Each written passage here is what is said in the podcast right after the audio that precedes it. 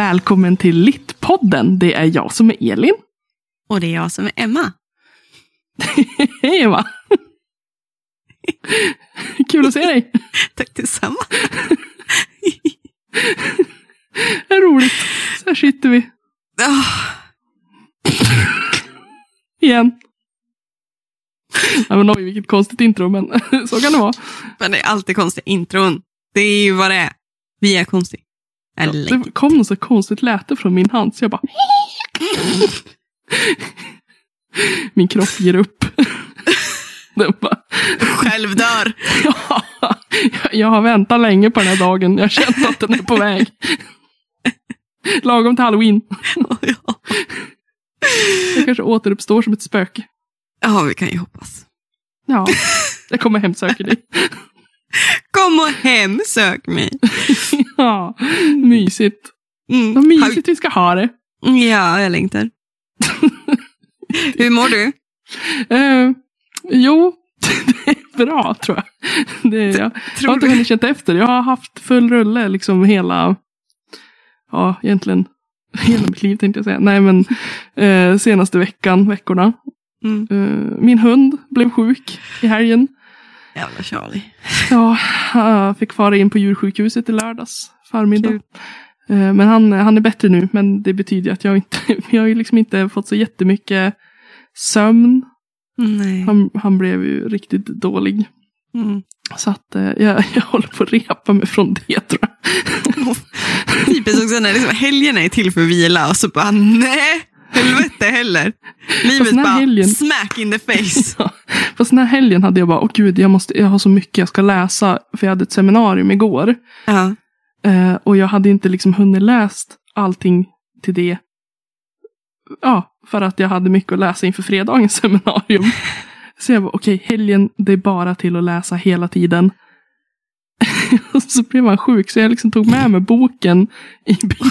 För jag tänkte så här, blir vi kvar där länge så kanske jag måste läsa lite Ja. grann. Men sen tänkte jag så här, ja, kanske våran professor också får ha lite överseende. Eh, Att ni har ett liv.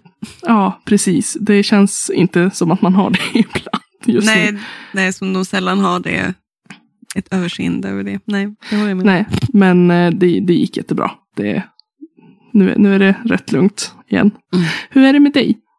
Jo, men idag är det så jävla bra. Det är också så här, man får ta det dag för dag. alltså, idag är det bra. Jag mötte liksom en, en kompis på, på, på, på, utanför universitetet. Och den frågar då liksom, ja, men, hur är det? Jag bara, det är OK. alltså den pausen också innan liksom bara, det är OK. Nej, men det så är, ja. När man träffar på människor och de frågar hur det är. Men så då ska man ljuga? Eller vadå? Ja, fast samtidigt vill man ju inte, alltså mår man skit så vill man inte säga det för att så här, hur kul är det? Nej. Jag mår skit. Nej, men jag har Okej. tänkt på det där liksom nu när man ändå har varit så, här, så jävla svajig hela sitt liv.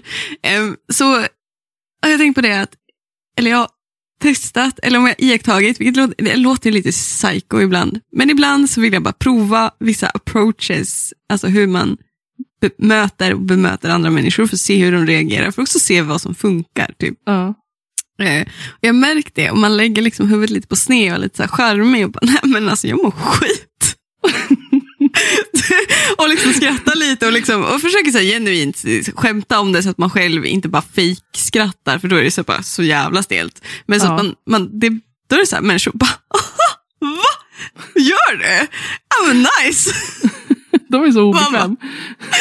så vet inte, varför skrattar du när du mår skit? Ja den du. Den Men det är också så här, jag, jag, jag kan inte hantera jag, jag, kan ju framstå som väldigt så här, alltså, väldigt labil när jag säger att jag mår skit för att jag skrattar ju. Och det gör också folk obekväm för då vet de inte så här, är du allvarlig, är du allvarlig eller är du liksom så här, skojar du nu? Och i så fall, om du skojar så är det inte kul. Och jag bara, hihi. Jag tänker, ja, labil kanske inte är rätt ord, men jag, jag förstår vad du menar. Att man, man är så här lite så här, ingen tar på, kanske lite på all, då tar inte en på allvar fast man är helt ärlig med att man mår skit. Ehm, och man bara, ja men okej. Men jag tänker att jag oftast är ganska så här, alltså jag, jag är ju väldigt transparent av mig. Transparent? Transparent? Transparent. transparent av mig eh, med mina känslor och vem jag är och hur jag mår för dagen och sådana saker. Alltså jag tänker att det här är ju bara alltså, så jävla löjligt att människor inte kan visa känslor. Ska man gå omkring och vara glad hela tiden? Dra åt helvete. Liksom, jag tänker att delvis det, den transparensen ger mig också ett väldigt stort privatliv. Jag har möjlighet att vara privat.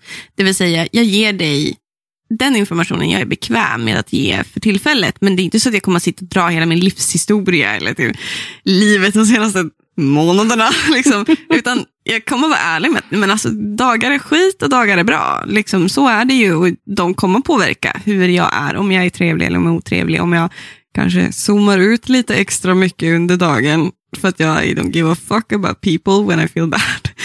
um, Åh, men, bryr alltså, mig om dig. Felix idag också, alltså, inte för, alltså, idag är det på riktigt, alltså, jag har en så jävla bra dag. Men ehm, jag hamnar ju lätt i det här att nej, men jag bara blir trött. Liksom, för att det är mycket, jag, så, det, det varit mycket nu. Jag var i Göteborg tur och retur, fredag till söndag också. Mm. Så att jag har inte sovit så mycket alls. typ. Men Mm så jag var bara allmänt trött innan vi skulle ha seminariet och så stod jag och väntade på att han skulle packa upp grejerna. Och så bara stod jag och bara zoomade ut totalt. Så till slut så gick liksom Felix fram till mig och liksom bara titta på mig en ganska lång stund och så bara försökte typ vinka lite försiktigt. Och jag bara, oh, oh, det ser ut som att jag vaknade till. Och han, jag bara, hur länge, hur- ja, jag zoomade ut. Han bara, ja du blev alldeles blank. Ja, jag tror du somnade så mitt i humanisthuset stod jag där med jackor och väskor och så bara, hmm. Shut down totalt. Det blir också så när man liksom har lite sömnbrist. Att man så här, det är mycket lättare att zona ut och bara Mm. försvinna. För Ja. att hjärnan försöker få någon så här form av mikrovila.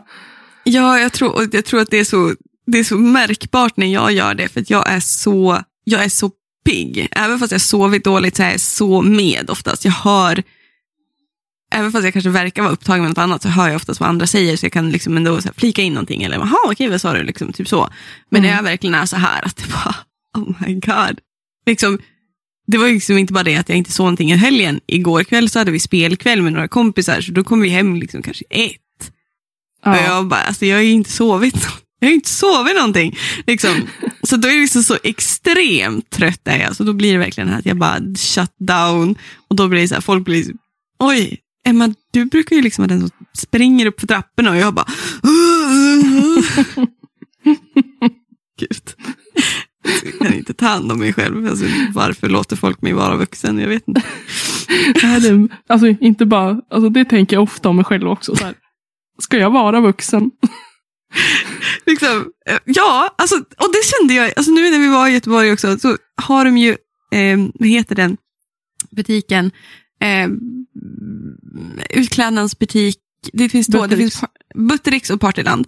Och jag var inne på Buttericks och eh, det var ju, så- alltså jag klickar ju skitbra. Alltså jag är ganska, jag är ganska duktig på så här, att surra lite med människor. Det är inte så att jag är översocial, jo jag är översocial, men jag har väldigt lätt när det är ytliga kontakter och när någon människa som jag tycker är intressant, liksom, någonstans. Jag anar någonstans, någonstans, någonstans att du och jag kanske klickar. Så då surrade jag lite med tjejen på Buttericks för att jag frågade om storlekarna på barn Spiderman-dräkter. och om en 7-8 års storlek skulle passa någon som är 1,61. Vilket jag är. och hon tyckte det var så nice. Och hon bara, men why? Jag bara, alltså jag har ju börjat verkligen, alltså tagit tag i det här med cosplay. Jag tycker det är så kul. Så att jag tänkte så här, för det finns ju, då måste jag beställa via Amazon. Och så, och stod vi bara och surra hur länge som helst. Och sen så när vi gick därifrån så var jag så nöjd med barndräkten. Och så åker vi hem då från Göteborg. Och så stannar vi in på någon, mm, och så pratade du och jag i telefon och så var vi på någon galleria. Och så gick jag ju in på Partyland igen, inte Buttericks men Partyland. Och bara, Mm. Elin, de har en Wonder Woman-dräkt här. och Elin bara, köp den! Jag bara, okej, okej. Och så gick jag ut därifrån och sen när du och jag hade lagt på så sa jag det till Robert, alltså, alltså vad är definitionen för vuxen?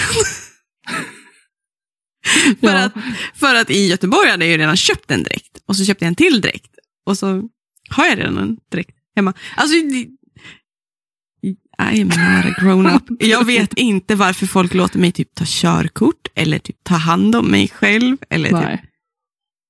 what? Nej. Nej, det är samma sak för mig. Jag har ju, jag ska ju vara med och liksom, jag är med involverad i ett projekt. Mm. Eh, och har en budget som jag har hand om. Och du har sån panik. Ska jag, ska jag ha hand om en budget? Hjälp! Men det går, det går nog bra. Alltså, det, men det är bara det liksom att man, det krockar så mycket. Man vet hur barnslig man kan vara i ett samtal med sina kompisar eller liksom tillsammans med sina kompisar eller bara ensam. och så sen gå till det professionella, bara, nu, nu ska jag ha koll på mitt liv. Men det känns lite grann som att man spelar, man spelar lite teater. Jag spelar vuxen. Ja men alltså så kände jag idag, för idag på seminariet hade vi liksom forskningsansökningsslutseminarier. Så då, ska, då har jag ju presenterat vad min forskningsplan är, liksom vad jag vill doktorera i. Mm. Och sen går vi därifrån och det är supervuxet. Alltså där, alltså vi pratar ju om forskare, liksom, om att forska. Ja. Om seriösa ämnen, om barn och ungdomslitteratur och emotioner och det psykologiska bakom liksom, känslor till nyfikenhet och separationen mellan litteraturhistoria och samtidslitteratur och sådana saker. Så super, alltså, jag kan ju tycka det låter så jävla seriöst så att jag nästan inte kan föreställa mig det. Och så kommer jag ut ur det där rummet och sen så bara, du vet, man scrollar lite på Instagram, så går jag in och kollar liksom, på mitt flöde på Instagram och så går jag och tar upp en av de här videorna när jag står och svingar ett lasersvärd. Och jag bara, vad i helvete? Det här är alltså två separata personer kändes det som. Alltså vad är det? Alltså vad är det här? Där står jag på Instagram och svingar ett fucking lasersvärd. Jag kommer ut från ett forskningsseminarium och ska liksom hålla på. Varför? Varför jag är jag som jag är? jag, jag tänker att människor som behåller sin barnslighet, Ja. vi människor som är lite barnsliga, vi är mycket roligare människor. Att umgås med och att liksom bara spendera tid tillsammans med. ja, jag tänker det också. Ja, i alla fall mina gudbarn tycker ju om mig i alla fall.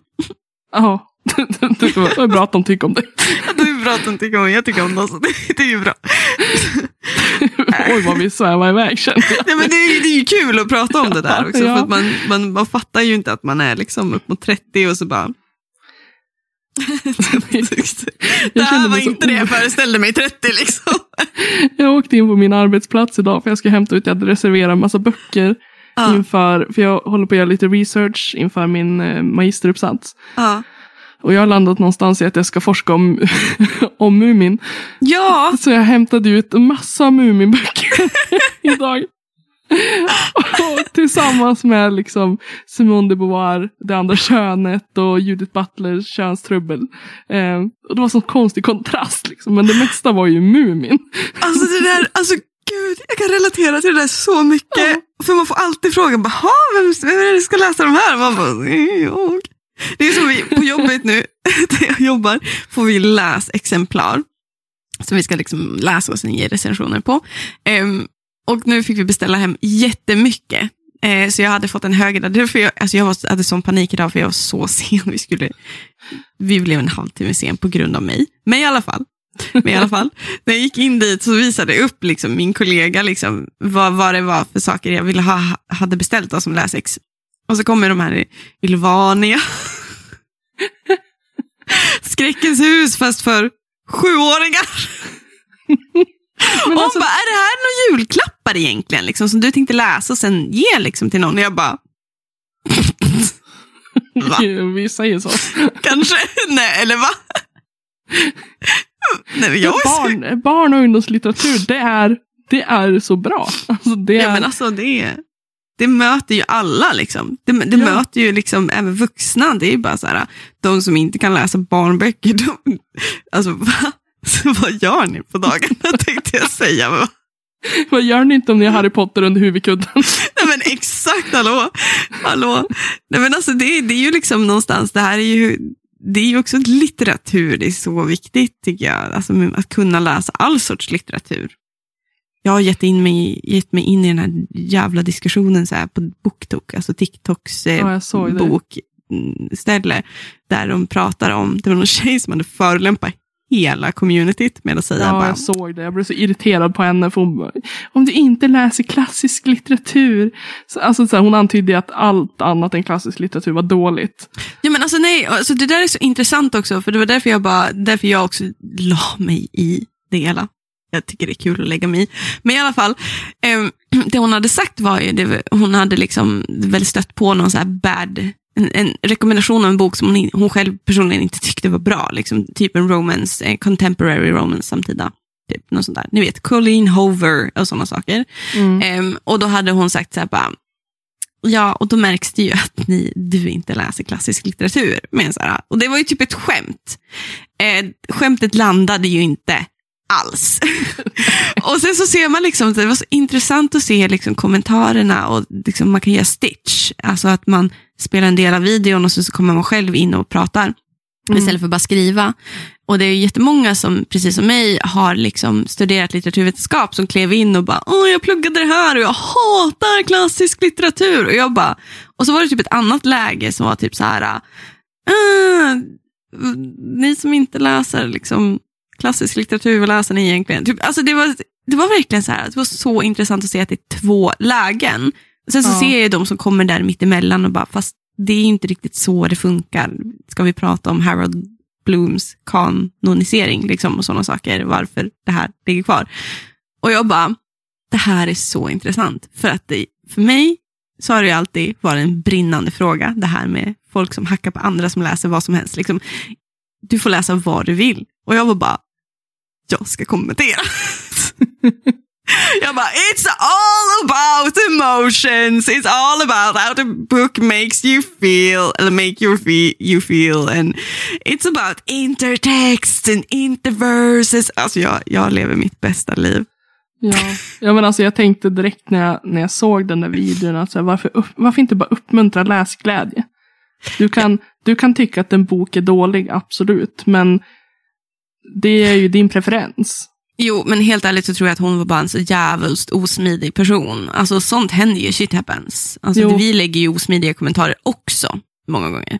Ehm, som kanske jo, men har alltså mer kontext. grundidén är ju att man vill uppmuntra människors läsning, tänker jag. Ja, det är precis. där vi ska förenas någonstans. Precis. Att om man ser bortom hennes video nu som landar fel, så väcker det ju liksom tanken om att istället för att klanka ner på andra, sen kan du ju ogilla en genre, en bok, en författare oavsett, men att se att andra kan tycka om det och att det är okej.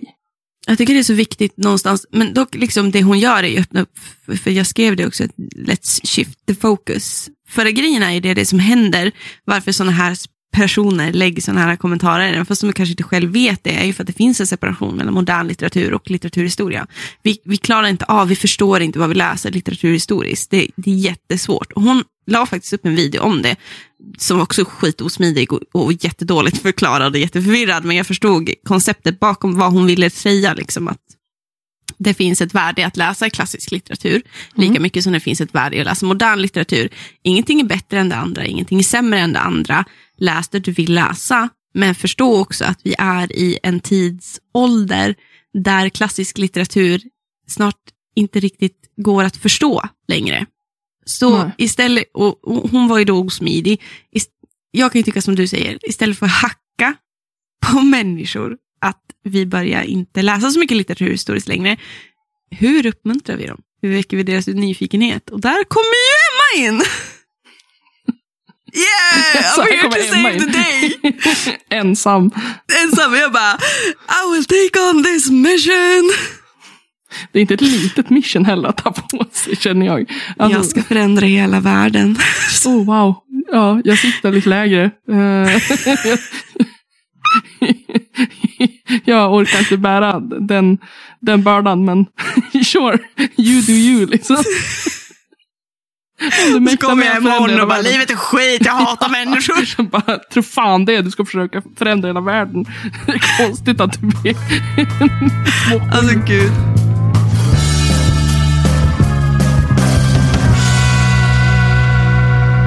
Det var en intressant diskussion vi hade. Det var en jävligt lång introduktion, men jag tyckte det var så intressant att prata om just det här med litteraturhistoria. För Ja. att idag ska vi faktiskt, det här är vårt halloween-avsnitt på sätt och vis. Och vi eh, tyckte det var så kul att prata Dracula förra året. Och vi bestämde oss för att prata vampyrer idag igen på grund av Mats Strandberg. Ja. För vad sa Mats Strandberg förra året till oss, Elin? Yay. Ja, det är också säkert. Nej, han tipsade ju om eh, lite böcker också. Ja, för att han tipsade ju delvis om att, eller han sa det väldigt bra, att eh, Dracula är ju liksom en, en är ju inte den, är ju inte urfadern som vi trodde. Himla bra litteraturvetare vi är då. He's not a daddy. He's not a daddy. He's that we got a mommy. Han tipsade om boken Carmilla, som Ja. du har läst tills idag till vårt Yes. vampyravsnitt. Ehm, och det här är återigen så intressant mellan den litteraturhistoriska separationen. Eller liksom det. För att du, du har läst Carmilla. Mm. Jag har läst The Southern Book Club's Guide to Slaying Vampires av Grady Hendrix. Mm. Med, och du har en kvinnlig vampyr. Jag Yes. har en manlig, manlig vampyr. Och vi ska försöka få ett avsnitt av det. Din, när publicerades Carmilla? Den publicerades 1872. 1872. Jävlar, hur många år sedan är det? Det är ganska länge sedan va? Det, Ja. det är liksom 150 år sedan. Ish. Ja. För att Mm. den här The Southern Book Club's Guide to Slaying Vampires, den, och vilken lång titel. Ehm, den publicerades 2020. Eller First Paperback 2021, men originally published by Kirk Books in 2020. Så din är lite nyare än vad min är. Mm. Min är contemporary. Min är samtid, din är dåtid. Eller litteraturhistorisk. Men okej, kör Ska vi Elin. börja i dåtiden? Vi börjar i dåtiden. Let's Dåtiden. travel. Travel Ja. with the time lords. Alltså, Doctor Who, bara- is that you? Nej, jag ska jag har aldrig sett Dr. Who. Nej men, ursäkta. Jag måste bara visa dig innan vi kör. Nu kan, jag kommer säkert lägga ut en bild, men alltså hur snygg är inte den Ah, här den är boken? det. på Alltså ja. Jag blev så kär i den. Jag bara, Alltså jag den är så den. fin. Ja. Nej, Alltså jag dör vad fin den Ni är. kommer se den på Instagram. Om ni inte Ja. redan har sett den när ni lyssnar på det här så kommer ni få se den. Men alltså wow. Den Jag tror den är dök så upp på snygg. din så här book haul-grej också. Ja, just det. Det gjorde den ju. Jag hade förträngt den. jag har inte förträngt. Nej, okej. Jag hade glömt bort. Ehm, Ja, Mm. nej, men jag har ju då läst Carmilla av Sheridan eh, Le Fanu. Nu butchar jag det franska språket. Men eh, eh, det är i alla fall en gotisk novell. Den är inte jättelång. Den är Nej. ganska lämplig i sitt format. Så att säga. Ja. Och jag, jag gillade den mycket, mycket mer än Dracula. Jag gillar Dracula. Ja. Jag gillar liksom...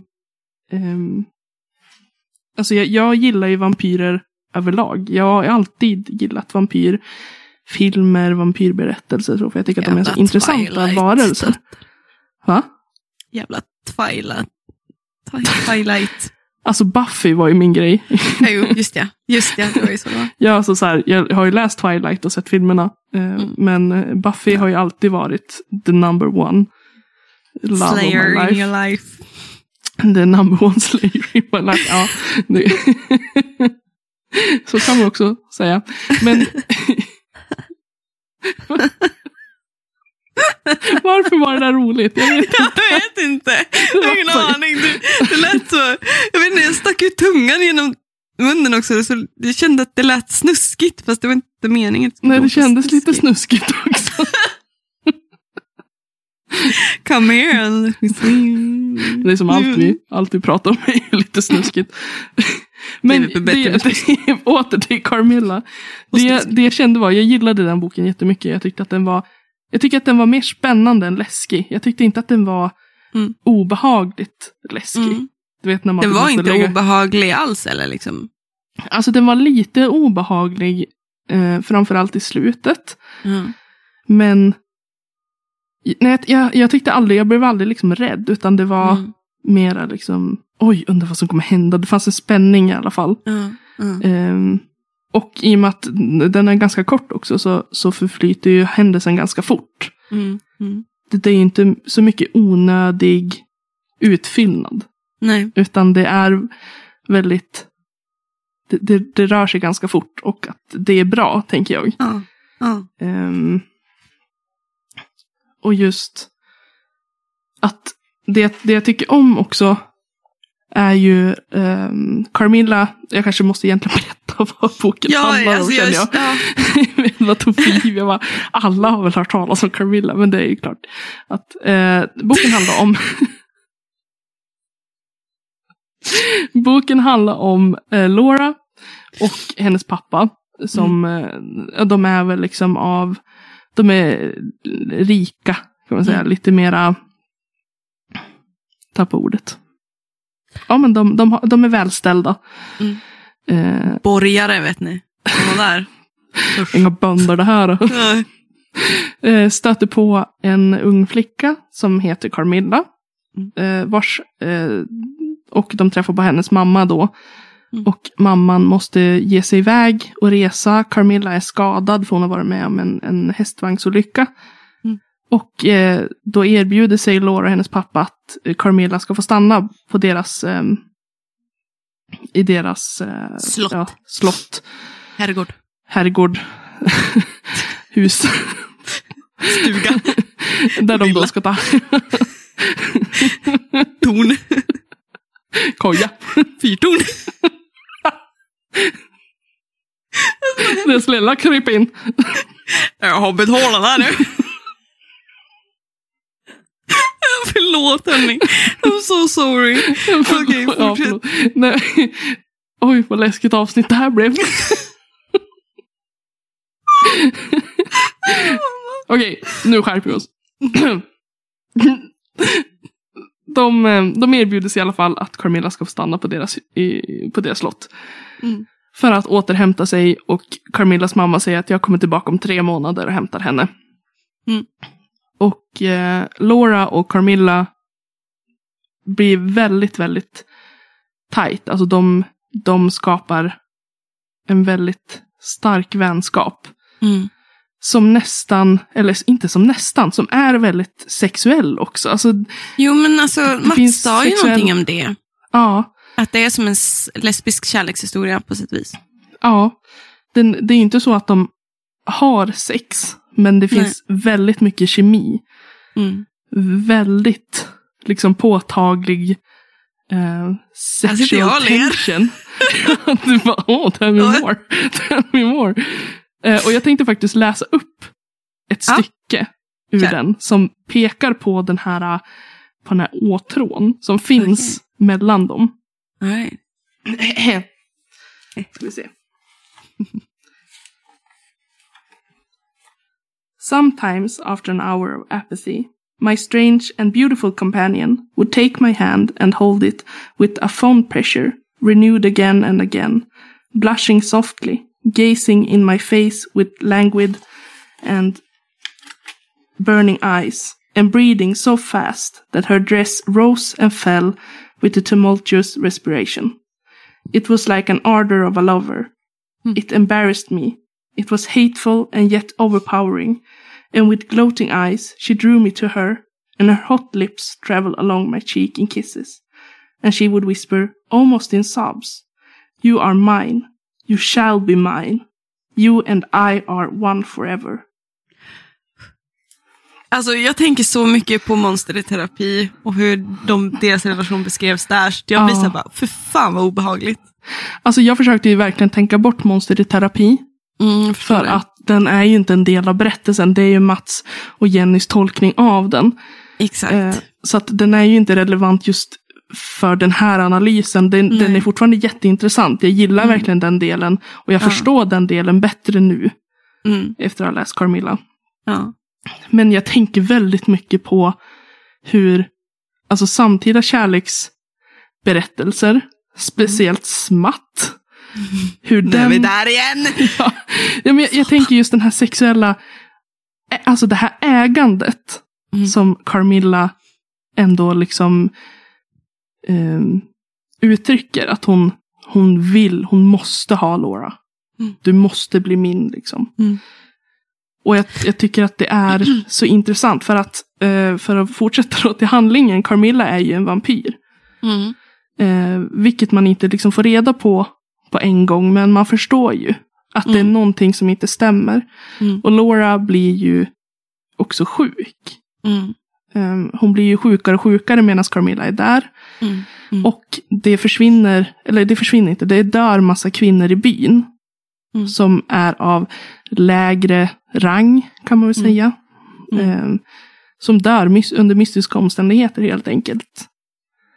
Eh, och sen förstår man ju då, man får ju veta att Carmilla är en vampyr som har levt väldigt, väldigt länge. Mm. Men det som jag tyckte var så intressant med Carmilla, det är ju inte att hon bara utmålas som ett monster. Det känns ju som att att det kan finnas någonting annat där i relationen mellan henne och Laura. Mm. Att, ehm, för, för jag började tänka, vad är Carmillas intention Mm. med relationen till Laura? Är det enbart jakten? För det här pågår ju under ganska många månader. Det är ju Mm. inte så att hon eh, vill döda Laura bara för dödandets skull.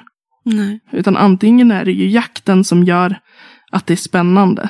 Att Mm. hon sakta vill njuta av Laura innan hon Mm. dödar henne. Mm. Eller så är det att hon söker efter vänskap eller kärlek. Jag tänker att det där är, liksom, om vi ska prata om typ den romance-delen, om det här med känslor och sådana saker. Mm. Att jag tänker att det är samma sorts skärning eller samma sorts missförstånd som man har mellan kärlek och förälskelse. Mm. Alltså love in, and infatuation. Infatuation är en förälskelse, en brinnande känsla under en kort tid som har man inte koll på den delen i sig själv. ehm, alltså kärlek är en känsla, förälskelse är flera känslor. Och då tänker jag att har man inte koll då, så då misstar man det ena för det andra. Och då blir det lätt som att man typ rättfärdigar den här känslan av att vilja äga det som ger en en haj. Jag Mm. tänker också att mycket med vampyrer handlar det ju också om, alltså det blodet har ju oftast beskrivits som att vara en drog för dem. På samma sätt som att de som blir ätna en vampyr, Bitna. bitna, under pausen där. Ätna. Smaskande sponge kexchoklad. Jag tänkte ju säga sugna först, men det lät ju ändå... Jag tycker ätna lät ganska snuskigt också. Jo, det gjorde jag med. I alla fall, de får ju också ett beroende efter det, liksom, efter det vampyren får dem att känna under tiden. Typ som att men, när man blir biten av någonting giftigt som vill, alltså Ja. är det giftigt och gör en bedövad. och. Alltså det, det är liksom någon sorts, en blir som en sorts, em, på samma sätt som i ett toxic förhållande där det liksom börjar i förälskelse och sen blir ett ägande för att man inte förstår vad kärlek är.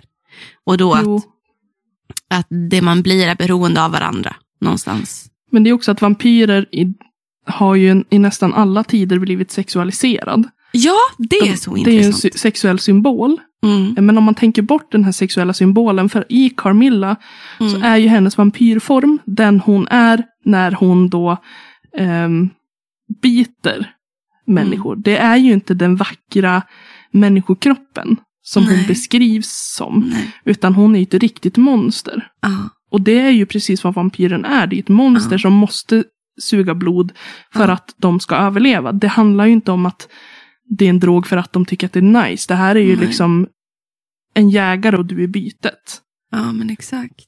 Eh, så att Toy det är det jag menar med toying så här, with the mouse. Ja, det är det jag menar med vilken intention hon har. Mm. Är Mm. det bara jakten som är spännande för henne för att hon är jägare och det här är Mm. bytet? Och att Mm. hon får mer ut av att sakta döda en person? Eller är det på grund av att hon vill utveckla någon form av kontakt som kanske är svår att ha när man är vampyr? Att du kan ju inte skaffa ett förhållande som Jag en tror att- människa kan. Jag tror att det där är på samma sätt som att man måste se- separera förövare och människa någonstans. Mm. Att det är liksom så här, jakten och jägaren, det är ju monstret, det är ju det djuriska. Det är ju Mm. precis som med varulvar, det är ju en, det är liksom en split personality. Liksom, där, där du som varulv är inte samma person som du är när du är liksom, människa. Tänk Hulken och Bruce Banner. Det är i alla fall när han är Hulken, Hulken, liksom, gröna Hulken, inte gråa Hulken. Men i alla fall så då tänker jag att det, det monster, det är därför hon också förvandlas till det yttre. Liksom. Mm. Men hon har ju liksom inga, hon har ju ingen empati för de offer hon, hon har dödat. Eh, så att hon är ju, det går ju nästan inte att separera henne mellan människoskepnaden och monster, monstret för att hon har ingen empati som i sin människoskepnad heller. De Nej. pratar ju om hennes offer, eh, för det är ju ett, eh, i en sekvens i boken så, så är Carmilla och Laura ute och det kommer förbi ett sånt här um, ett begravningståg Ja. Efter en kvinna i byn som har dött under de här mystiska omständigheterna. Det kan man ju läsa mellan raderna att Carmilla är ju den som har Mm. dödat henne. Hon, hon, hon har ingen empati alls. Laura Mm. däremot är ju väldigt liksom empatisk och ställer sig upp och sjunger med i salmen som begravningståget sjunger. Mm. Ehm, och sen har ju Carmilla det här, den här händelsen, alltså Laura är ju ehm, relationen hon har med Laura har hon ju haft med andra kvinnor innan henne också. Mm. Att innan hon kom till Laura så var hon hos en, en, en kvinna vars, jag tror att det var morbror eller farbror, kände Lauras pappa. Mm. Så att det fanns en koppling däremellan. Mm. Och det var samma liksom Det var samma skeenden som hände med Laura. Ja. Så att är hennes känslor autentiska? Eller är det bara liksom att hon, hon letar efter samma typ av offer? Det, det, jag, det, jag har inte liksom svaren på det. Det är bara så spännande att liksom fundera på. Mm. Vad är det hon vill? Ja. Vad är hennes syfte med att återupprepa de här historierna? Mm. För att Carmilla är ju ingen bra person. Nej men alltså, och det funderar man ju på, för liksom, det finns ju som olika sorters vampyrer. Det blir de som blir förvandlade, mänsklig, mänskliga vampyrer som blir, eh, eller ja, de blir förvandlade till vampyrer, bitna då. Och så finns de här urvampyrerna som bara var demoner liksom. Mm. Ehm, så frågan är ju liksom vilken sorts vampyr Carmilla, har hon någonsin varit mänsklig? Eh, för, som, jag fick, alltså, som jag förstod av boken, jag lyssnade Ja. på boken för jag har liksom multitaskat med, medan jag har Ja. lyssnat. Eh, så förstod jag som att de som blir vampyrer är de som har försökt att gått, begått självmord och lyckas. Att man Oj! återuppföds som vampyr. Att det kanske är straffet. När du försöker ta ditt eget liv så är ditt straff evigt liv istället. Och då kan man ju känna sympati med Carmilla, absolut. Ja. Eh, men det är ju fortfarande empatilös karaktär. Det är ändå en antagonist. Det där är ju så intressant. Jag, det jag, ska där- inte det där- svära på att det var så, men jag tyckte mig höra det. Liksom, för de, de, Ja. de la inte någon större vikt vid det, utan det var när det beskrevs som liksom vampyrers bakgrund och så. Mm. Och det, det är ju också, i och med att eh, förr i tiden så var ju självmord också, det ansågs ju som en stor synd. Ja, Man blev jag, inte ens begraven. Ja, du, du får. Ni vet ju Emma och hennes intertexter. Jag är ju superintresserad av mytologier och teologi och liksom andra religiösa berättelser. För jag ser, det är ju liksom, det är ju vårt första sorts storytelling. Alla mytologier är ju religiösa berättelser från början. Ehm, och just inom kristendomen så finns det den här vampyrberättelsen. Det finns två olika sorters som brukar så här snurra runt. Och den ena är till exempel att Judas, han som förrådde Jesus, när han tog livet av sig så, så, så, liksom, eh, så blev han vampyr. Ni vet, har ni sett filmen Dracula 2000 så är det baserat på 2001. den berättelsen. 2000. Oj jävlar. En av mina favoritvampyrfilmer, Oj. by the way. Bara en. Ja, okej. Ehm, och där handlar det väldigt mycket om att han förlorar sin själ, för han förråder ju Guds son, han Mm. får inte komma in i himmelriket, han säljer sin, säljer sin själ till djävulen. Ehm, vilket är också en väldigt typisk grej för vampyrer, de är ju helt själlösa. Ja. Det finns också den här berättelsen om Kain och Abel. Eftersom Kain är den första som spill, spiller blod i, i liksom mänsklighetens historia. Och det där också den här blodbesattheten kommer ifrån. Och att när, de, när Kain blir förvisad eh, till ett annat land, och då menar de ju på att, och, då menar, och det där är ju så intressant också för att i bibelberättelserna, i, först, i Moseboken, så pratar man inte så jättemycket om andra människor än Eva, Adam och deras barn. Eh, och de menar ju på att Kain fick jättemycket barn. Så vad för barn fick han? Frågar du mig? Nej men alltså jag menar bara det är en så här allmän fråga. Det är en så allmän fråga man har kring den här mytologin. Den här Ja. konstiga, liksom, vad ska man säga att det är? Det, det, är liksom inte en, det är inte en officiell berättelse men det är, det är liksom ett rykte. Vad heter det? Det heter något speciellt det där. Eh, Vandringsägen, tack. Ja, ja. Jag Typ blev så. lite ställd. Jag bara, ska jag ha svar på den här frågan? Vad hittar jag det svaret? Nej, men, och det är väldigt intressant också för att det, där, där någon gång i början av, för jag tycker Kain, berättelsen är väldigt intressant, eller Kain, ehm, just för att det där med först, att han spillde blod först, men också det här med odödligheten, Mm. att bli förvisad från himmelen Mm. och liksom inte riktigt kanske bli, bli straffad med en evighet på jorden istället. Och då Nej. fortsätta upprepa sitt misstag, att spilla blod och då i så fall bara överleva därigenom. Mm. Och också igen det här med själlöshet. Och sen så kommer man ju också till det med Judas då, att han hängde sig då, men att och där kommer ju också från det, precis som du säger, när i, inom den gamla kyrkan, eller liksom inom kristendomen var ju självmord eh, en, en av de största dödssynderna. Eh, vilket också innebar att du fick inte begravas på helig mark. Eh, du fick begravas utanför. Och för att de menar på att din själ raderades när du väljer att ta ett liv, för ett, liv är så heligt. Liksom. Mm. Em, och eftersom du då är en själlös, din själ är raderad, så kan inte du begravas på helig mark. Och det är därför inte vampyrer kan gå på helig mark och gå in i kyrkor. Och, därför de hat, och det där med Judas är ju också det där med att därför de hatar korset. För Ja. att det är en uns av, ja men det är så intressant hur vampyrberättelsen knyter an väldigt hårt, i alla fall i västerländsk och europeisk tradition, till, till liksom kristendomen. Men sen finns det ju jättemycket olika sorters vampyrer, även i österländsk liksom, em, religionshistoria. Och det tycker jag också är super, super intressant, hur sånt börjar vävas in i modern tid. För att den, den, den västerländska vampyren har ju alltid varit lite kopplad till den kristna Mm. em, teologin. Medan idag så kan vi se så många olika exempel på när de här vampyrberättelserna berättelserna blandas, vilket också gör vampyren till en väldigt speciell karaktär. ja. Och att det går att leka med vampyrformen så mycket också. För det finns ju, ja men just som i Carmilla, den typen av vampyr till Dracula, till Twilight, till, alltså de, man har ju tagit vampyren, lagt den i en burk och bara skakat om den och den blir annorlunda och- varje gång. Liksom. Och det, det jag tycker, för jag tänker vi kan gå över till min bok nu, för att jag Mm. har en stor poäng med, med Grady Hendrix em, vampyrbok.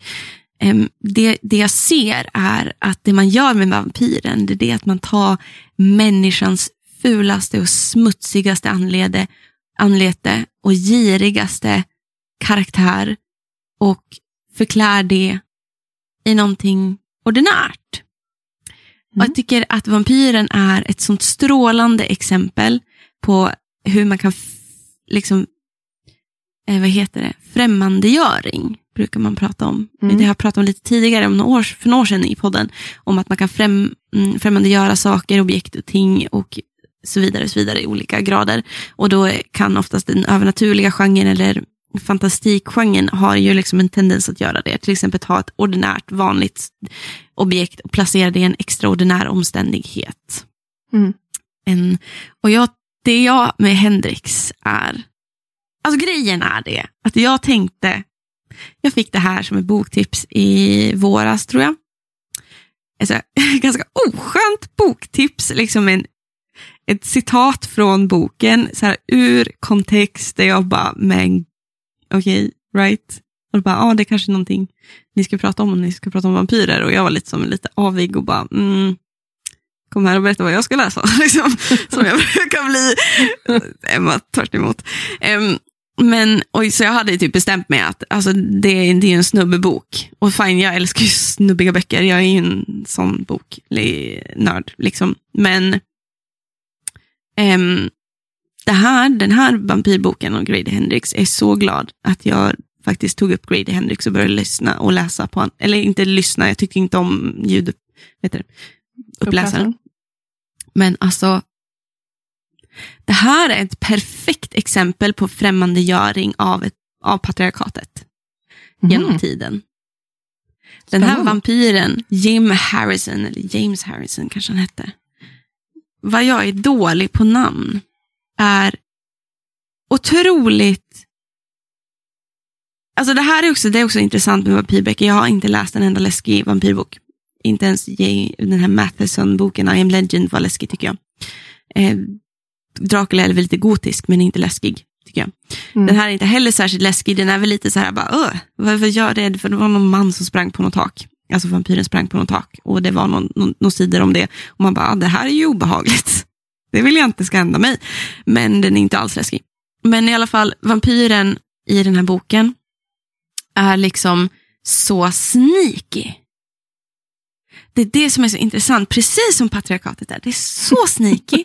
Alltså det här med gaslightning och manipulation och förkläd, f- förklädd vänlighet på sätt och vis. Ja. I'm doing this for you, honey.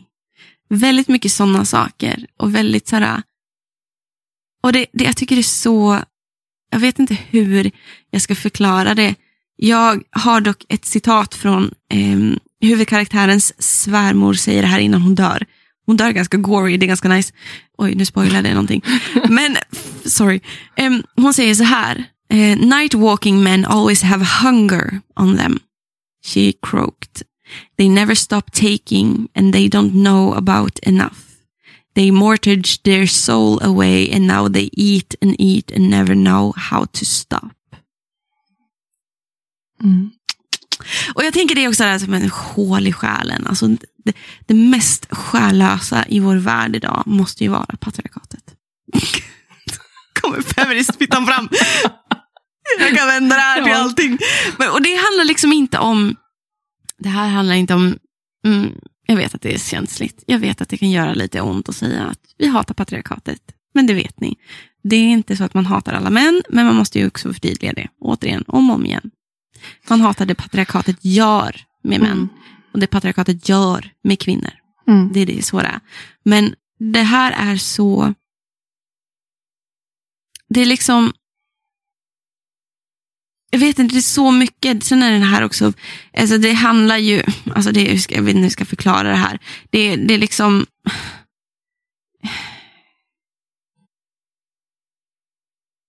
Jag vet inte hur jag ska förklara den här boken för att det är så mycket som händer och samtidigt inte. Alltså... Mm.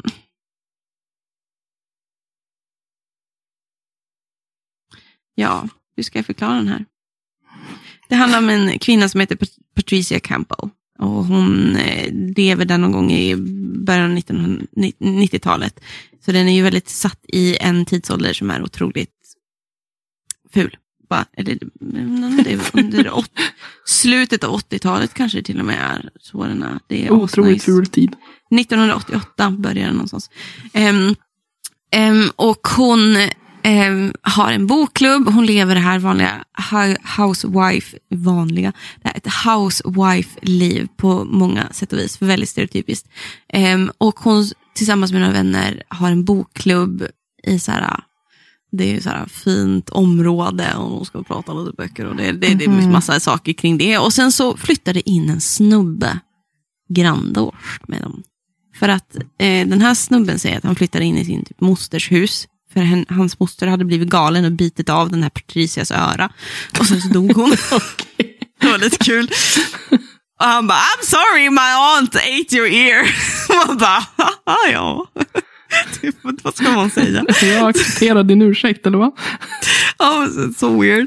Nej men och den här grannen då, där, vad händer då liksom när din granne visar sig vara vampyr och vill vara med i din bokklubb? Men det är också kring det där med att vara en parasit på många sätt och vis. Och Mm. patriarkatet på många sätt kan upplevas som ett, något parasitiskt eh, över oss allihopa. Det dränerar oss på energi. Men det gör oss också beroende av de här strukturerna, samhälls och sociala strukturerna. Vi tycker inte om patriarkatet, men det är svårt att förändra för att det är många som har privilegium genom patriarkatet och förmåner i patriarkatet, både män och kvinnor, tyvärr. Så det blir någonting i symbios och det är precis den relationen plötsligt den här Harrison, den här vampyren, har till Patricia och hennes familj och hennes vänner. Liksom, han nästlar sig in och förklär sig med vänlighet. Han blir vän med männen. Gör så att de får rikedom och sådana saker. Mm. Och så att man blir blind för vad han egentligen gör, det vill säga han äter små flickor. Them. Så jag skrattar inte för att jag tycker att det är kul. Jag skrattar Nej, det är så vidrigt. Ja, det är Men det, och det, och det Gre- Grady Hendrix gör så snyggt, det är att han gör alla de här sakerna.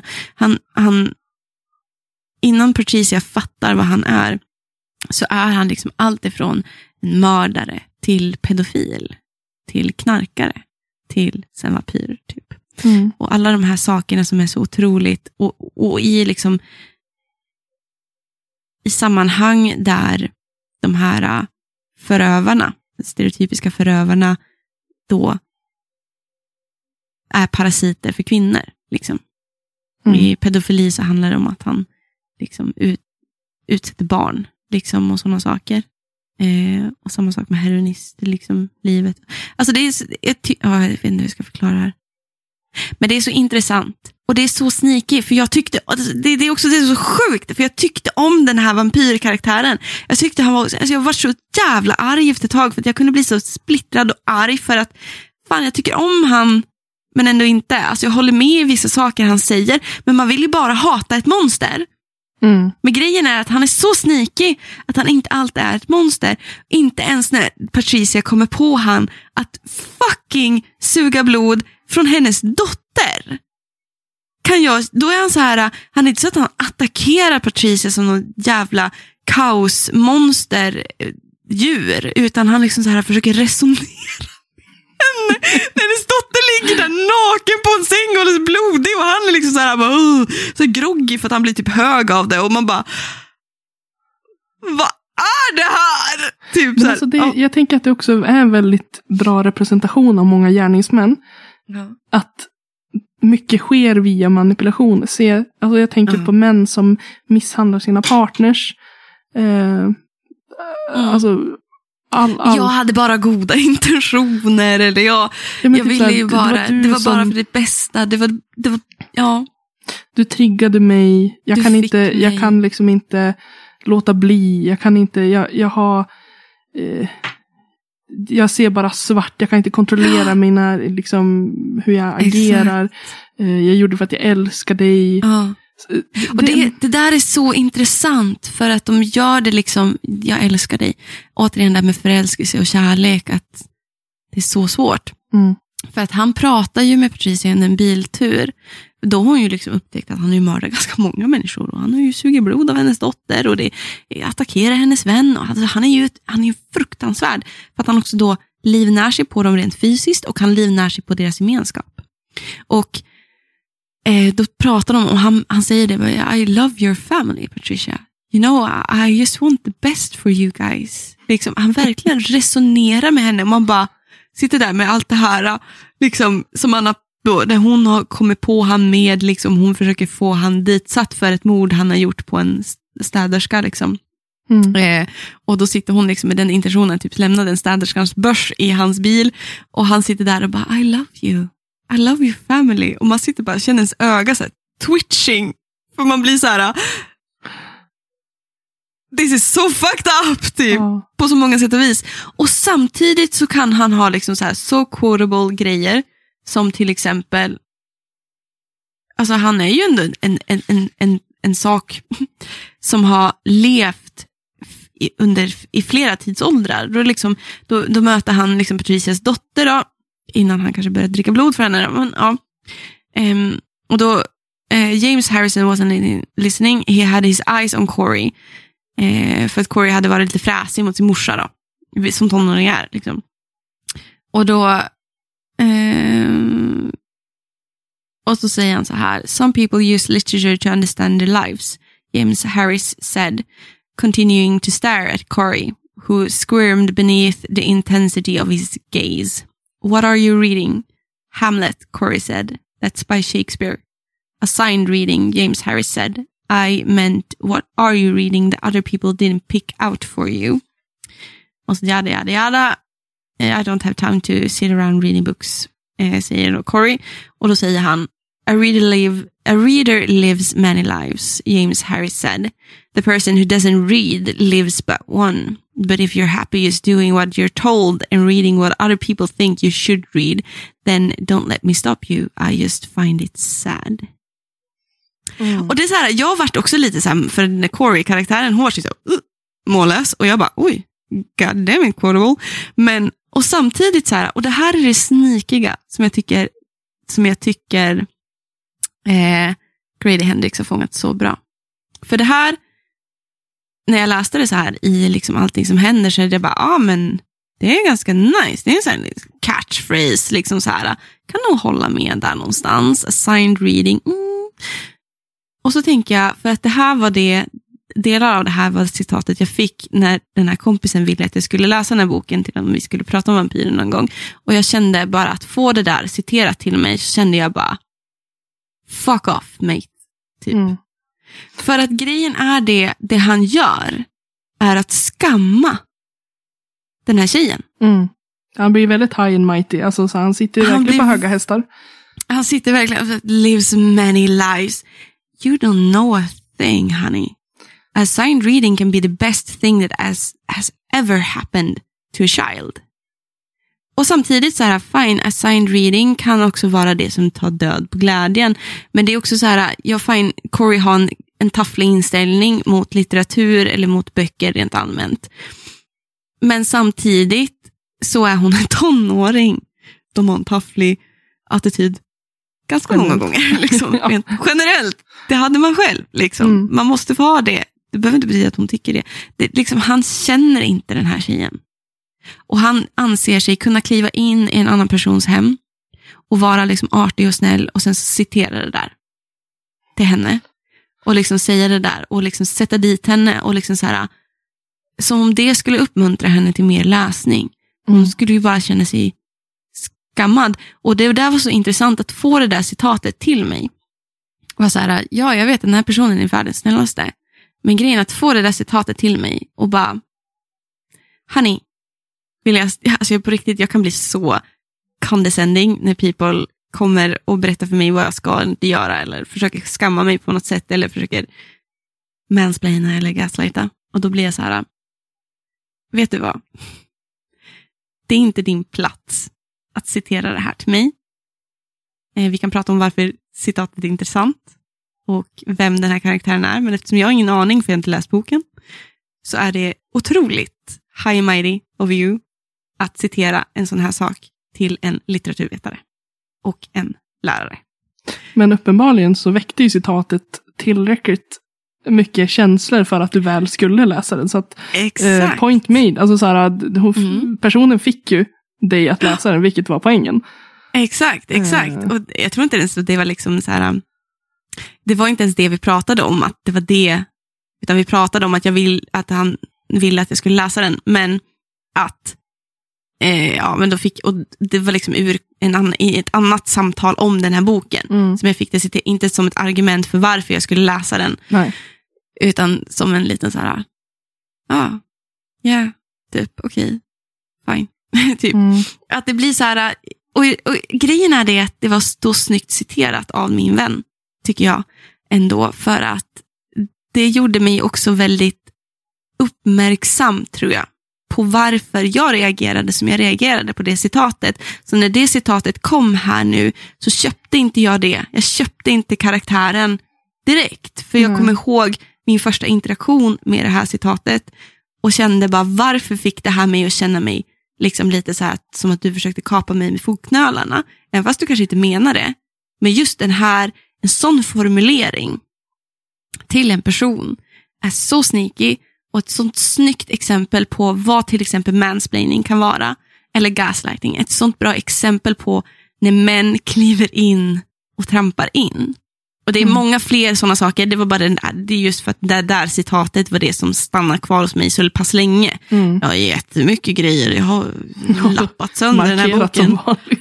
Ja, men alltså du, det är liksom, det är ju, den är ju, det är ju så att jag, vissa böcker går ju inte att ge bort sen. Men du skulle säga att den här boken är väldigt läsvärd i alla fall. För att jag, jag tycker Oh, att den ja. låter intressant. Jag tänker Oh, oh, ja. köpt den. Oh ja.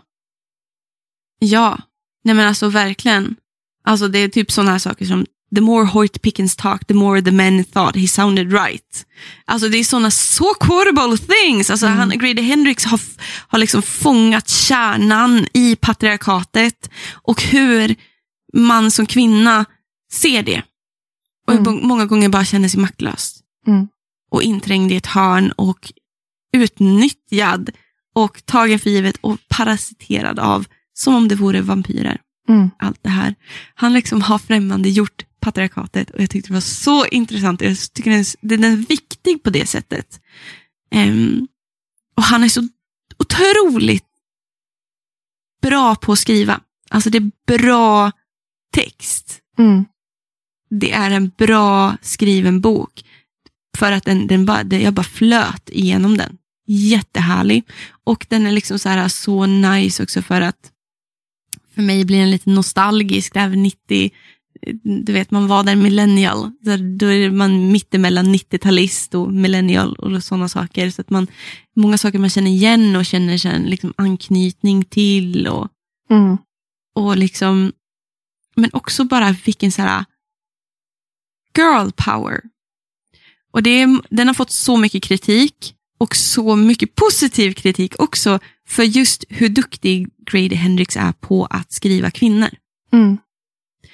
Och jag tycker det är så coolt någonstans att han är liksom en samtida manlig skräckförfattare som faktiskt kan skriva kvinnor. Ur, från mitt eget perspektiv så kunde jag relatera till allt Mm. de här kvinnorna kände och tänkte i, den här, i de här situationerna, i de här händelserna. Och det var så fascinerande att se, för det var så länge sedan jag läste en sån bok, Mm. faktiskt, skriven av en man. Men Och den är, det är en ny take på hela vampyrgenren. det är Och just den här, här ser man ju också hur, hur separationen mellan modern och litteraturhistorisk litteratur, liksom, bara, den blir minska lite den här separationen. För man ser liksom att där är Carmilla det parasitiska och så kan man se lite Carmilla i den här boken. Alltså de går lite fram och tillbaka. Jag kan hitta Mm. lite texter. Jag hittar jättemycket texter till olika vampyr, äldre vampyrböcker i den här. Mm. Jo, och det blir ju så. Alltså, det är ju en, en varelse som väcker många känslor och kärnan Mm. i vampyren är ju att den ska vara ska vara obehaglig Mm, mm. på något sätt. Mm. Åh förresten, förresten. En sån här grej som typ Grady Hendrix använt sig mycket om kring med demonisk och övernaturlig eh, verksamhet också med vampyrer och som jag vet finns i Dracula och sen också citeras att det finns i Dracula. Det är här att vampyren kan kontrollera the rat, the owl and the bat. Mm. Är det med Carmilla? Nej, eh, inte. Nej, det är det inte. Inga råttor, inga, inga råttor, inga ugglor, ugglor, ugglor eller eh, Fladdermöss. Fladdermöss, jag Nej. säga Batmans. Batmans. I'm Batman. Kommer Carmilla. This is my friend. I'm Batman. Nej, faktiskt inte. Men däremot, eh, precis som ehm, Dracula. Nu, nu nämns det ju inte att hon, att hon går upp på väggen. Liksom, som, eh, så, så, han klättrar ju ner Mm. för väggen liksom, på slottet, eh, Dracula. Mm. Mm. Men hon kan ju ta sig igenom. Alltså hon kan ju liksom ta sig. i- Jag vet inte om hon kan ta sig igenom väggar. Men hon är ju liksom inte. Hon behöver inte vara instängd så. Hon kan ju ta Nej. sig ut. Mm. Mm. Så att där finns det ju mycket referenser typ. Alltså jag tänker att Dracula har väl liksom tagit det konceptet lite grann av Carmilla. Ja. För Carmilla kommer före Dracula. Men Jag tycker det är så intressant att veta vad Bram Stoker har tagit från Camilla om det här med att kontrollera djur och förvandlas till djur är någonting som är Bram Stokers. Eller, liksom, eller om det är en inte-text till Carmilla. För mycket är ju, bra- i Dracula är ju inte-texter till, liksom, till Men jag tänker Carmilla. vampyrer var väl en sägnen, sägen i alla fall. alltså det var ju inte, det var inte i Carmilla vampyren föddes. Utan Nej, det, nej, den nej, varelsen inte. fanns ju. Så att där Ja. fanns väl säkert egna myter och berättelser liksom, Ja. runt det. Ehm, så det är väl kanske Ja. där de hämtar sin inspiration. Och där Bram Stoker hämtade sin inspiration. Men kanske också från Carmilla. För att det var ungefär 25 år mellan böckerna. Ja. Så intressant. Mm. Jag måste bara nämna en annan vampyrbok som jag, alltså så här lite random, som jag Mm. hittade på en loppis som jag tänkte eh, läsa. Ja. Eh, som jag fastnade för. För att den är skriven av Guillermo del Toro. Som regisserade Mm. filmen Hellboy Ja, till exempel. Det, det är The Strain. Släktet. Precis, The Strain. Finns Det också som del- en serie. Ah, det, är en Det del, det är en trilogi. Får jag säga någonting Mm. om den? Den sög. Boken eller serien? Båda. Okej. Eh, men jag kan ge ett försök i alla fall. Om jag, det är inte säkert jag börjar läsa den nu. Eh, men jag hittade den i alla fall. Jag bara, åh, vampyrer. Och, och jag Nej. älskar Hellboy också. Jag älskar Hellboy-filmerna. Mm. Eh, så därför fastnade jag lite igen för eh, boken. Mm. Men det är som, som vi sa, preferens.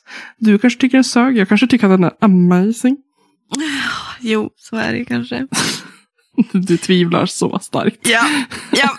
Du Alltså, sitter du där vet och ju, bara jag, mår dåligt. Mm. Men du vet ju, det är min grej. Monster och skräck och sådana saker. Och liksom, hur, hur, kan ju inte vara så jävla svårt att skriva en bra skräckbok. tänkte jag lite så här. Skulle du omvärdera, skulle du omvärdera vår vänskap om jag tyckte att den här boken var bra? Eh, nej, det skulle jag nog inte göra. Jag skulle bara vara tveksam. nej. Alltså, jag tänkte bara nej, absolut inte. Du bara, Jag skulle nog, "Det där jag skulle nog värld." rynka lite på näsan. Och så bara, Ja. läs vad du vill. Gör det. Men Jag säger ju ingenting att du inte ska läsa. Jag säger bara vad jag tycker om den. Allt är ju styrt av känslor. Nej men alltså den, den kan ju vara absolut så. Den var verkligen inte min cup of tea. Jag tyckte den var, nej, in, nej inte min grej alls. Nej. Jag vet inte hur jag ska förklara det. Däremot så började jag ju läsa George R. R. Martins, ehm, vad heter den? Det är också en vampyrbok. Det handlar om julångare också. Och just det, den pratade vi om typ när vi Ja. hade Dracula-snittet. Ja, För ett år precis. För jag, skulle läsa den men det var en sån här uh, did not finish Nej. bok, DNF. ehm, för att den var så jävla weird. Eller den var så jävla tråkig från början. Mm. Ehm, och då tyckte jag ju liksom att den där The Strain var ju absolut bättre än George R. R. R. Martins. Mm. Eh, men The Strain har jag ju också läst. Ehm, hela boken. Den, medan Martins läste jag aldrig ut. Liksom. Nej. Men, man vet aldrig. Däremot en, en vampyrrekommendation jag har återigen är ju I am legend av Matheson. Jag har sett filmen. Det är inte riktigt samma sak. filmen. Nej. Dör en hund? Ja, det gör det. nej, nej, det är ingen hund som där. Det där ja. Jag kan inte säga så mycket. För, alltså, det, du kan inte mixa ihop. Det, filmen är inte alls samma sak. Filmen handlar inte om samma sak. Det, Nej. bara, det bara råkar vara samma namn. Ja, Okej. Det är ju liksom, I filmen är det ju zombier. Och, jag, och grejen varför jag ens började läsa, när jag väl läste eh, I am legend, var det att jag hade fått för mig att oh, det här är nice, det här är så här vampyr-zombies. Eller zombies som snarare är så medvetna. Mm. Um, och jag, för det var, när vi läste den i höstas var det andra gången jag läste den, för jag läste den för flera, flera år sedan. Och då hade jag verkligen mixat ihop den med filmen totalt. Eh, så jag kom knappt ihåg boken, så det var ju verkligen what the fuck, what the fuck, what the fuck. Genomgående i hela boken. Och jag var både irriterad och glad över att den var så bra. Men- Både irriterad och glad. Många känslor på en och samma gång. Ja, men jag, kommer alla känslor? Ja. Så. Eh, Jag hade velat kapa den totalt. Liksom, Ja. den, den, den, det visade sig att jag hade haft fel. Liksom. Det är inte lätt att erkänna. Hatar det. Hatar det. Jag, har så, jag har så ofta fel, jag tycker inte om det. Det är så jobbigt. Ja, Okej Emma, nu har, du, nu har du minst det där fel. Jag bara, nej, det har inte alls det. Jag vet exakt vad det här handlar om. Och de bara, nej det gör det inte. Och man bara, fuck. Det är då man bara, alltså, men, då man börjar gaslighta. Men alltså, jag har ju sagt till dig redan från början att det var det här. det var du som Nej. sa det andra. Nej, nu vet du, du vet, jag är ju en sån där äh, icke-sociopatisk människa. Så jag gaslightar, manipulerar inte det här var människor. ironi. det är inte så att jag går runt bara... Elin, jorden är rund. Nej, den är platt. Titta här, jorden är rund. Ja, det har jag sagt hela tiden. Det var du som sa att den var platt. Eh, Gud. Nej men alltså det, det är, vampyrgenren är en väldigt intressant egen sorts monstergenre inom den gotiska kring den gotiska boken liksom, och skräckboken, just för att den lever kvar så länge från myt. Och det är liksom just vars kommer myten ifrån och det här ska bli spännande. Jag ska ju verkligen hålla, jag ska ju hålla på med skräckgenren i min doktorand, tänkte jag ju Mm. och leta liksom, just för att skräckgenren är så känslofylld också. Ja. Så jag kan iaktta. Eh, jag ska, sitta, jag ska bara sitta och vara så här, lite psykopatisk i ett klassrum några gånger. Eh, sen om jag får en doktorandtjänst är tanken att jag ska askultera och ska iaktta elevers känslouttryck. Jag hoppas de kräks. Bara jag inte behöver ta upp det själv. Exakt. Ehm, nej men alltså just för, alltså det är liksom, det är mycket med vampyren också som sammanfattar liksom den gotiska genren. Mm. eh, i det här med känslor och Ja. samhällssociala förhållanden. Hur vi lever i symbios med varandra, men också hur vi lever i symbios med det absolut värsta som finns. Mm. Hur ondska och godhet samexisterar på sätt och vis. Mm. Eller förklädd ondska. Jag ska ju kliva in i min, mitt uh, vampyrpersona. Snart. I halloween. Ska du gå, ska du gå sen då, när vi går på puben i gaslighta krogen tillsammans? tiden. Jag tänkte precis säga det. Vad är du för någonting? Liksom? Är jag vampyr? Märker du inte det? Eller gaslightar du dig? Jag sa ju det, jag sa ju det, jag sa ju det. Ska manipulera alla. Ja.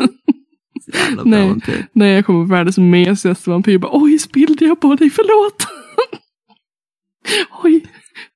Ursäkta att jag trampade på din tå. Det var inte Jävla meningen. cute. Jag, sitter, jag köpte ju en Wonder Woman direkt, så nu sitter jag och pendlar med undrar om jag ska få Wonder Woman istället för Captain Marvel. Mm. Bara för att liksom så här, det är min karaktär då, så jag I, I get to punch people. Nej Emma, man får inte slå människor i alla fall. Lika lite alltså som jag får gaslighta ibland, och bita ibland, folk. Ibland förtjänar ju, de förtjänar ju en sniting ibland. Ja, absolut. Det det är många som förtjänar att bli slagen. Det lät, Oj! det lät hemskt, men alltså Ja, så är det väl. Att det är många som förtjänar att bli... du har redan Håll- klivit in i din Ja, men alltså- gaslightning men alltså vampyrkaraktär. förtjänar väl att bli slagen. Kan väl alla nästan Ja, han, med. han, skulle, han skulle behöva en rak höger. Ja. Ehm, så bara I för pungen. att däcka han en stund för att låsa in innan ett rum. ja. Nej men alltså, nej. Nej, Jo. men jag förstår Nej. känslan. Eh, Men du får inte slå människor lika lite som jag får bita folk. Så att, eh, vi får bara checka varandra under kvällen. Om jag står i en hörn och biter du bara, ajabaja. Du är ingen vampyr Elin. Får jag slå dig då? jag kommer där med mitt lasso liksom. Och jag bara. nej, nej, nej, nej, nej. när, när du har slagit mig. Bara, Nej Emma, du får inte slå mig. Och så biter du tillbaka. Det blir en ond cirkel, moment 22. Nej, bara, nej, folk nej. kommer bara stå och titta på oss och bara, fan håller de på med? Du får inte bita mig. Aj, aj, aj, du får inte slå mig. Ajabaja. Ajabaja. Fy, skäms. Nej men det, det är kul, vi, vi är roliga. Vi får se vad som det är bara vi som tycker att vi är roliga. Jag Men Alltså fan vad vi har flamsat bort det här. Men Ja. det, jag tror att det kom något värdefullt. Lite flummigt men värdefullt ändå. ja, Maybe baby så mitt liv. Lite flummigt men värdefullt.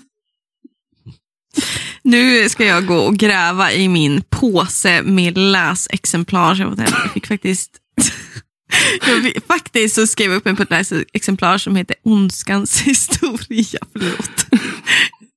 Det var, det var kliar i mina händer. Jag sitter och håller på att flexa med mina fingrar. Det, jag är lite rastlös.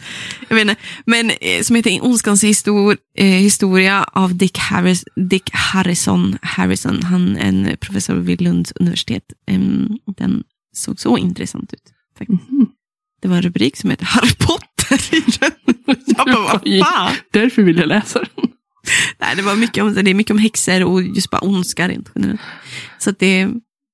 Yeah, I'm weird. I hear myself. Mm. Jag hör mig själv. Jag hör mig själv. Faktiskt. Jag ska gå och äta chokladpudding. Ja, det, det, det blir inte något bättre slut än så här. I'm sorry guys. Nej. Men, Men eh, eh, ha en trevlig, en trevlig och läskig och spännande Halloween. halloween. ja, hoppas ni klär ut er. Ni får gärna berätta vad ni klär ut er lite mer. Tagga Littpodden om ni lägger ut en outfit. Är en vampyr. Nej, vilken outfit som helst. Jag vill Vi bara vet se vad- Vi vill outfit. se vad ni är. Ja. Tagga. Littpodden i era Insta Instagram-inlägg. Tagga lite på Tagga. Ja, okej. Lite random bara. Outfit, Littpodden. Men Och eh, plocka upp Carmilla och plocka upp The Southern Book Club's Guide to Slaying Vampires. Ja. Så har ni, ni har ni väldigt trevlig läsning framför er om man säger så. Och tänk lite extra på de stackars patriarkala satarna. ja, det blir bra. Men Ja. eh, vi, vi hörs snart igen hörni. Vi gör det. Ha det bra. Ha det bra. Hej då. Hej!